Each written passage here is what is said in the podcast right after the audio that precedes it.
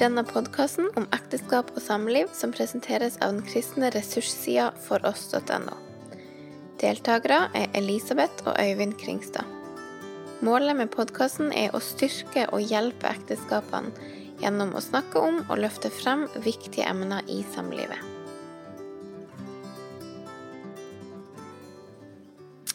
Denne episoden skal handle om kommunikasjon.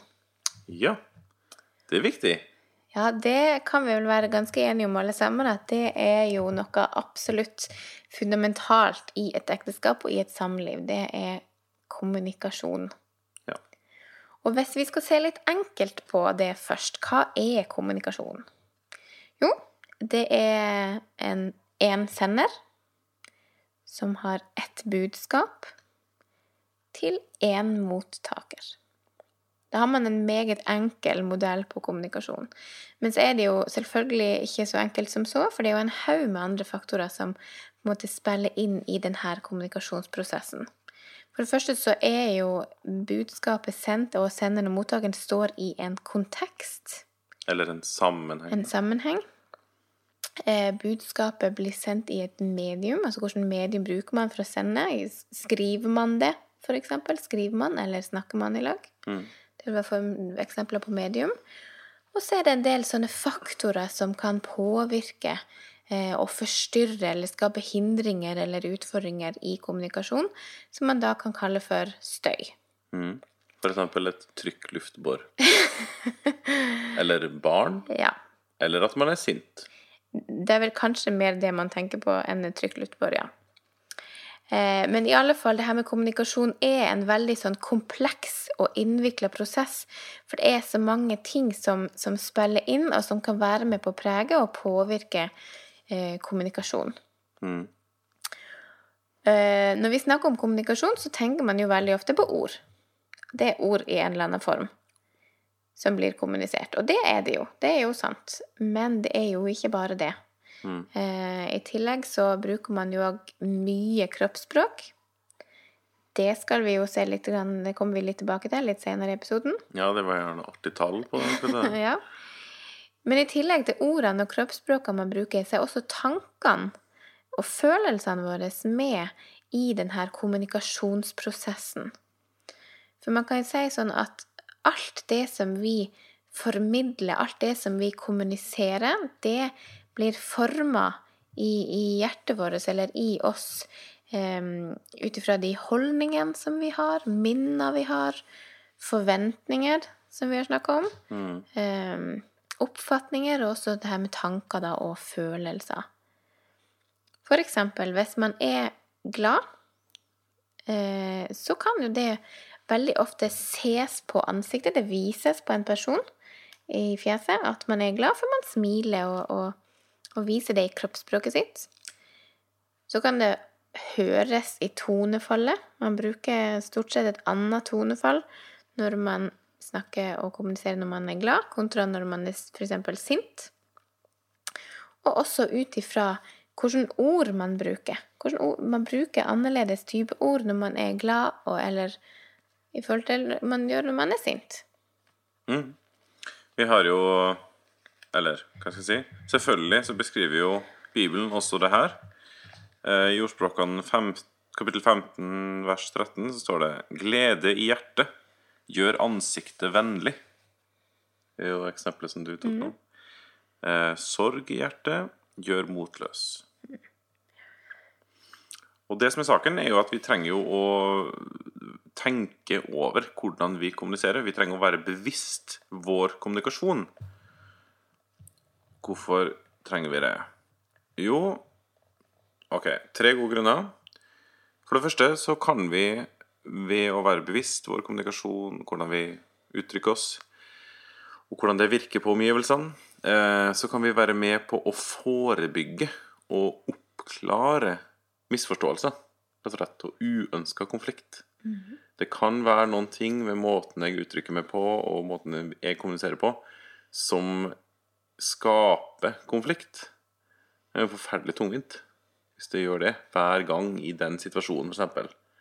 Ved å tenke over, være bevisst sin kommunikasjon og på en måte reflektere og jobbe litt med det, så kan man faktisk ja, iallfall dempe de effektene, eller kanskje også unngå i det hele tatt. Så er det nummer to. Vi kan ved å være bevisst og tenke over vår kommunikasjon, så kan vi mye lettere ta opp ubehagelige emner på en konstruktiv måte. Det vil si at uh, utkommet av det blir bedre, rett og slett. Det går bra, på en måte. Eller det går bedre, kanskje, for de fleste tilfeller. Det er jo grader det er snakk om her.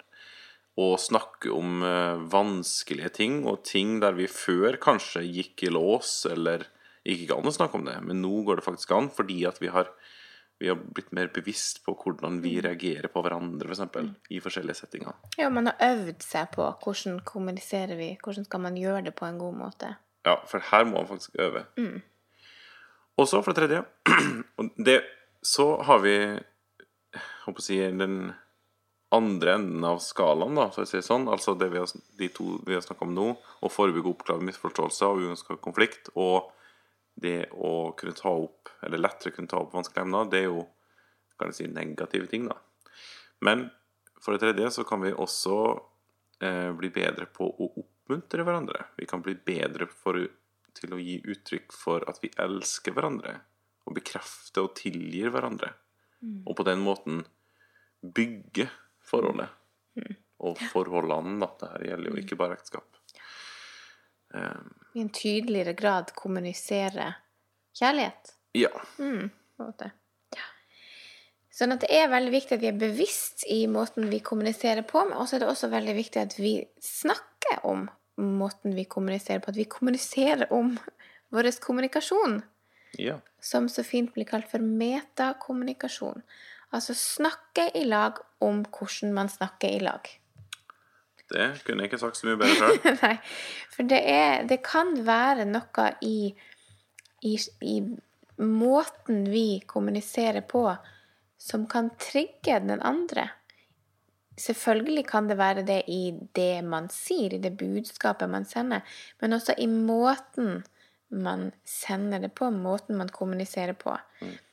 For å ta eksempelet med min farmor og min farfar, som jeg har nevnt tidligere, så når farmor ønska å ta opp eh, vanskelige ting og på en måte ja, konfrontere farfar, eller liksom snakke ut eh, om ting, og da var det jo i hovedsak vanskelige, utfordrende ting da det, det gjaldt, Ja, det vil jeg tro. så reagerte min farfar nok ofte, ikke sikkert bestandig, men ofte med at han trakk seg inn i seg sjøl og tok den her skilpaddestrategien og, og um, trakk seg unna. Ble stille, trakk seg unna, trakk seg for seg sjøl. Og det var Det trigga jo farmor. Hun ble jo mildt sagt irritert. Mm. Ikke fordi at han sa noe, men, men måten han da kommuniserte på. Eller mangel på kommunikasjon. Så det er utrolig viktig at man, at man prater om Snakk om kommunikasjonen deres. De skulle drevet litt metakommunikasjon. De skulle drevet litt metakommunikasjon. Ja, det gjort det. Mm. Og i kommunikasjon så, så er det et begrep som òg er enormt viktig, og det er lytting. Og det skal vi jo Det som vi skal snakke videre om nå, dreier seg mye om lytting. Eh, og også det som vi skal snakke om i neste episode, handler òg en del om lytting. Ja. Eh, for lytting er òg et sånn her kjempeviktig eh, grunnleggende ord i, et, i kommunikasjon og i et, i et ekteskap. Mm.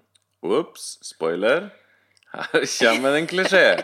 ja, ja, for det er jo sagt så fint at man har to ører og én munn, og det er det en grunn til. Ja. Og det er klisjé, men det er noe i det. ja, selvfølgelig er det. Selvfølgelig er det det. Det er derfor klisjeen blir til. Mm. For hvis man tenker oss, tenk deg sjøl, når føler din ektefelle seg mest elska?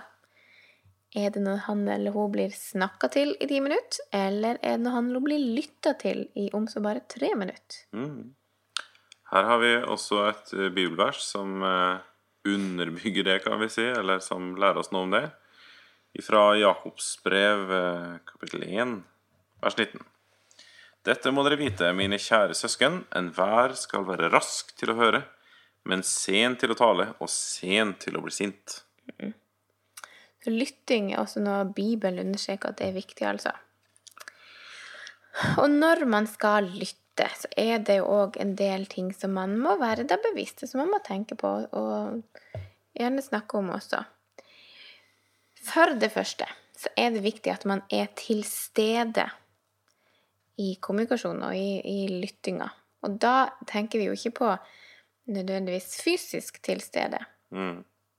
Fordi at man kan jo kommunisere via eh, ja, telefon, for eksempel, og Skype og Og ja, sånne tekniske hjelpemidler som gjør at man ikke nødvendigvis må sitte i samme rom i lag for å kommunisere. Ja, det Mm. i vårt skal vi si, samfunn, eller så gjøres jo om på å si mye, og mer. Mm. ja. Mm. Mer enn før. Eh, å kommunisere uten å være fysisk på samme sted. Ja. Så det når vi snakker om å være til stede, så handler det om det å være til stede mentalt. Altså det å ha fokuset på rett plass. Vi har jo kommunisert en del via telefon. Ja, det Det har vi. Øyvind har vært en del ute på reis, i mye i forbindelse med jobb. Så det har jo blitt en del både helt sånn hverdagslige samtaler, men også noen en del sånn utfordrende samtaler som vi har vært nødt til å ta per telefon. mm. Kanskje ikke så mye av de utfordrende samtalene, men det var jo en del ganger jeg opplevde når jeg snakka med deg på telefon, om kanskje hverdagslige ting som jeg hadde et behov for å snakke med deg om, at jeg merka det at nå, nå hører han ikke på hva jeg sier. Han, svarte og ga respons og skulle si nikka, det vet jeg ikke, for det så ikke men sa ja på de rette plassene. Men jeg merka likevel veldig tydelig at nå har han ikke fokus på rett plass. Nå, nå er han ikke til stede. Nå lytter han ikke egentlig på det som jeg har å si.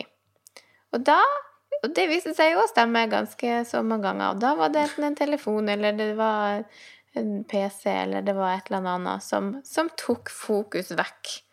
Altså han var ikke til stede. Mm. Følg med på annet. Ja. Så det er utrolig viktig at man har fokuset. At man virkelig lytter. Og ikke bare på en måte hører.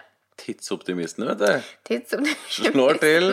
Skal gjøre flere ting på Hvor en mange gang. ganger Hvor mange ting får man til å gjøre samtidig? Så har vi jo kroppsspråket. Du, vi, du nevnte litt om det tidligere. At eh, det er veldig, veldig viktig både for den som eh, formidler budskapet, og den som tar imot det. Ja, den som lytter. Ja, Mm. takk. Eh, det her finnes det jo eh, mange eh, Skal vi kalle det variasjoner av tall på. Men eh, vi har uh, leta fram noen, eller ett eksempel, da, på tall, og det var ganske ekstremt, faktisk. Eh, hvor i en eh, Skal vi kalle det en totalsituasjon, da, altså på kommunikasjon 100% liksom, full kommunikasjon, så er det faktisk Og da er det muntlig kommunikasjon. Ja. Mm. Eller man, man sitter og snakker i lag, f.eks.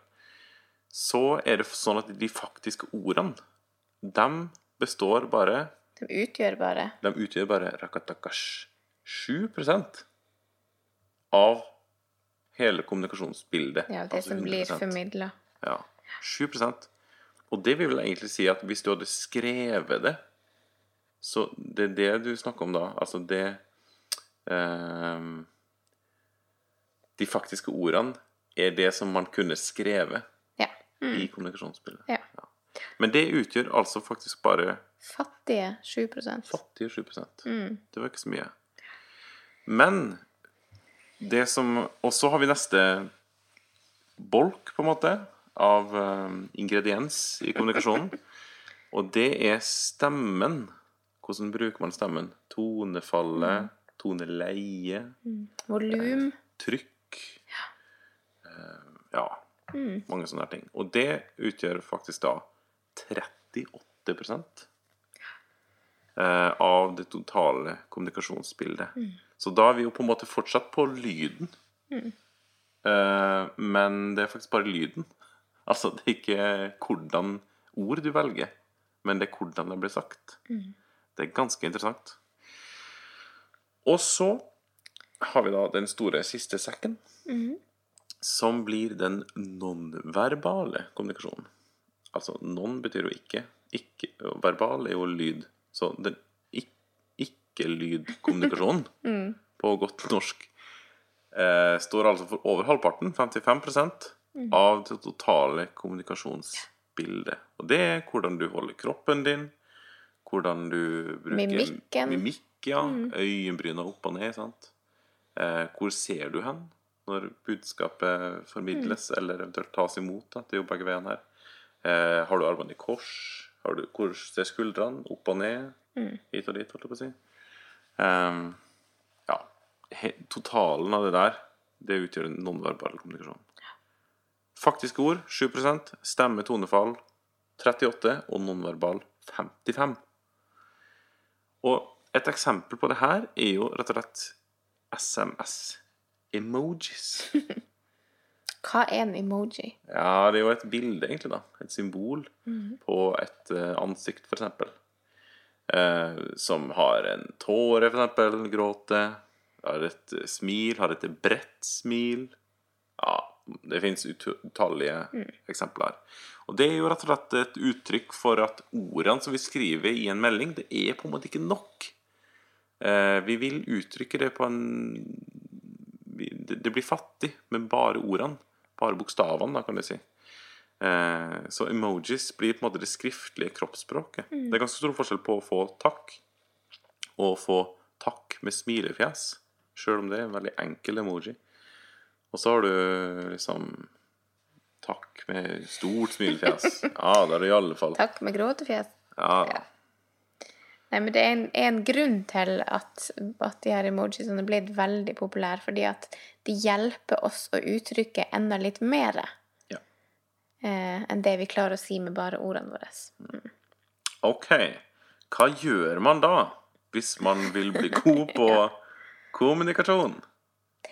For eksempel så har man da en teknikk man kan bruke som går på det her med kroppsspråk. Når vi nå har sett litt hvor utrolig viktig kroppsspråket er i kommunikasjonsprosessen, så, så skjønner vi at det er noe man må øve seg på, det er noe man må tenke på, noe man må jobbe med eh, når man skal kommunisere, for å gjøre det på en best mulig måte for både den som lytter, og den som taler.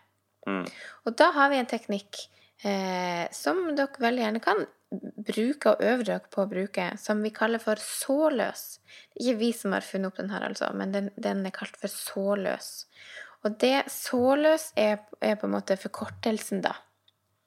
Mm. Jeg har et ord det der, egentlig, men jeg vet ikke hva det er. S-en i såløs, den står for skrått ovenfor hverandre. Altså, når dere skal kommunisere om Det her handler kanskje gjerne om de her litt vanskelige tingene. Ikke nødvendigvis sånn 'hva skal vi ha til middag', men litt mer eh, dype ting. Hvis det er alvorlige ting som man ønsker å ta opp, enten konfrontere den andre med, eller ting som man sjøl opplever vanskelig i møte med mm, jobb, f.eks., eller andre ting òg. Mm. Og så tenker man i den situasjonen Aha, nå må vi gjøre det lett for hverandre. Måte, nå må vi gjøre det bra for hverandre. OK, go solus. Go Solus. S skrått overfor hverandre. Pla plasser dere litt sånn på skrått overfor hverandre. Hvis man blir sittende rett overfor hverandre, så kan det føles litt vel eh, Ikke nært, men litt sånn intenst. Litt forhør. Litt forhøraktig. Det er en grunn til at man sitter rett overfor hverandre i et forhør. Ja. Og dermed bør man kanskje ikke gjøre det når man da skal ta opp vanskelige ting. Men plassere oss litt skrått overfor hverandre. Hvis man sitter ved siden av hverandre, så vil det òg være sånn Da blir det kanskje vanskelig å, å lese hverandre og se på språk, kroppsspråk og sånn. Så det er en sånn litt sånn skrått overfor hverandre, der man er vendt mot hverandre, men du har likevel har et ganske åpent rom foran deg, vil være en gunstig plassering. Mm. Det var S-en. Skrått overfor hverandre.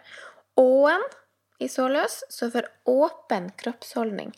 Tenk på hvordan du har kroppen din. Tenk på hvor du har armene dine. Hvis man sitter med armene sine i kors, så formidler man kanskje ikke at noe er åpent for å høre på det som du har og sier, men kanskje heller tvert imot. Så sitt gjerne med, med skuldrene og på en måte brystet åpent for å på en måte kommunisere at jeg ønsker å høre på det du sier, jeg ønsker å på en måte ta imot og lytte til det du sier. Mm. Men jeg tror jeg gjør det med den som gjør det sjøl òg. Det er ikke bare det man uttrykker, men man, det gjør noe med en sjøl også. Å sitte med armene i kors framfor å ha det ut. Man på en måte tvinger kroppen sin til å lytte, rett og slett. Ja. L står for lent litt forover. Eh, at man gjerne kan sitte bitte litt foroverlent. Eh, nå kunne vi jo gjerne demonstrert det, det får vi ikke gjort da via en podkast. Ja, Men dere kan tenke, tenke dere sjøl Hvis man sitter henslengt bakover i en sofa og på en måte sånn sitteligg, så kommuniserer jo ikke det. Det utstråler jo kanskje heller ikke den der eh, Ja, nå er jeg villig til å høre på deg, og jeg ønsker å og er interessert i det som du har å si. Mm. Men, men en lett, litt sånn lett foroverlent for å vise at ja, jeg er klar. Jeg er klar for å høre, jeg er klar for å lytte, jeg er klar for å, å ta imot. Så en anelse lent forover. Mhm. Øen er jo òg veldig viktig, og kanskje litt mer sånn innlysende. Og den står for øyekontakt. At man må kunne ha øyekontakt, så man kan se hverandre inn i øynene. Dermed vil den her plassere seg rett ved siden av hverandre, ikke være så gunstig, for at den, den eh, ja, gjør det ikke så lett å ha øyekontakt. Det blir mer anstrengende. Ja. Mm. Så øyekontakt Mens... for å kunne lese hverandre og lese kroppsspråket, og, og når vi da vet hvor mye som blir formidla gjennom øynene også. ja, sant. Uten at man trenger å se hverandre inn i øynene hele tida. Ja. At man, derfor kan man ha den her skrått overfor hverandre, for å ha den naturlige vekslinga mellom å se hverandre inn i øynene, men òg ha det der frie rommet foran seg. Mm. Så kommer vi til den siste S-en, og den står for stemmen. Tonefallet, volumet, sånn som vi har snakka om tidligere her. Eh, hvor legger du trykket hen? Ja, hvordan bruker du stemmen din i din kommunikasjon? Så Ja, er det her har du et godt eksempel igjen. ja. Nei, men hvis for eksempel da eh, vi har en diskusjon, eller en, en ja, godt eh, gammeldags uttrykk, hvis vi krangler, ja. eller ikke er spesielt enige om en ting, så bruker jeg jo stemmen på en viss måte. Men hvis da jeg får en telefon, at eh, kanskje min mor ringer, eller ei venninne ringer, så legger jeg ganske raskt om. Hvis jeg svarer på telefonen med en gang, så bruker jeg jo ikke mer enn halvt sekund på å legge om stemmen fra Øyvind til Hei, det var Elisabeth. Mm, ganske avslørende. Ganske avslørende. Så det med stemmen har, har mye å si. Vi formidler mye mer enn jeg tror vi er klar over via vår bruk av stemme. Mm. Så det må man tenke på. Så det var altså så løs, skrått overfor hverandre, åpen kroppsholdning, lent litt forover, øyekontakt og stemmen. I tillegg så kommer jo en del sånne andre nonverbale virkemidler som også gjerne må brukes som nikking, bekrefte ja, jeg har hørt på det du sier, og jeg hører etter. Eh, mimikken i ansiktet. Også Mm. det som man kan kalle, som du holder på med nå, som kalles for humming. Altså å bekrefte det som blir sagt med hm eller ja eller mm. At man kommer med sånne småord for å bekrefte ja, jeg hører og jeg er til stede, og jeg har fokus, og jeg får med meg det som du sier. Det gode ordet humming. Ja. Det er viktig. Ja. Nei, så det var så løs. Prøv gjerne på den teknikken. Og nå er det jo sånn at, at når man første gang man skal gjøre det her, så er det ikke sikkert at det føles kjempenaturlig. Å kanskje sitte tenke voldsomt på hvordan man sitter, og, og at man ser på hverandre og alt det her. Men, eh, men det er en treningssak. Det er noe man kan øve på. Som vil føles mer naturlig etter hvert som man har øvd på det. Ja. Og så blir man bedre. Absolutt. Det er en teknikk man nå kan bli bedre i. ja. Mm. Ja. Så det var det. Dagens lille bolk om kommunikasjon. Takk for følget denne episoden. Finn flere ressurser, og vær gjerne med og støtt oss på foross.no.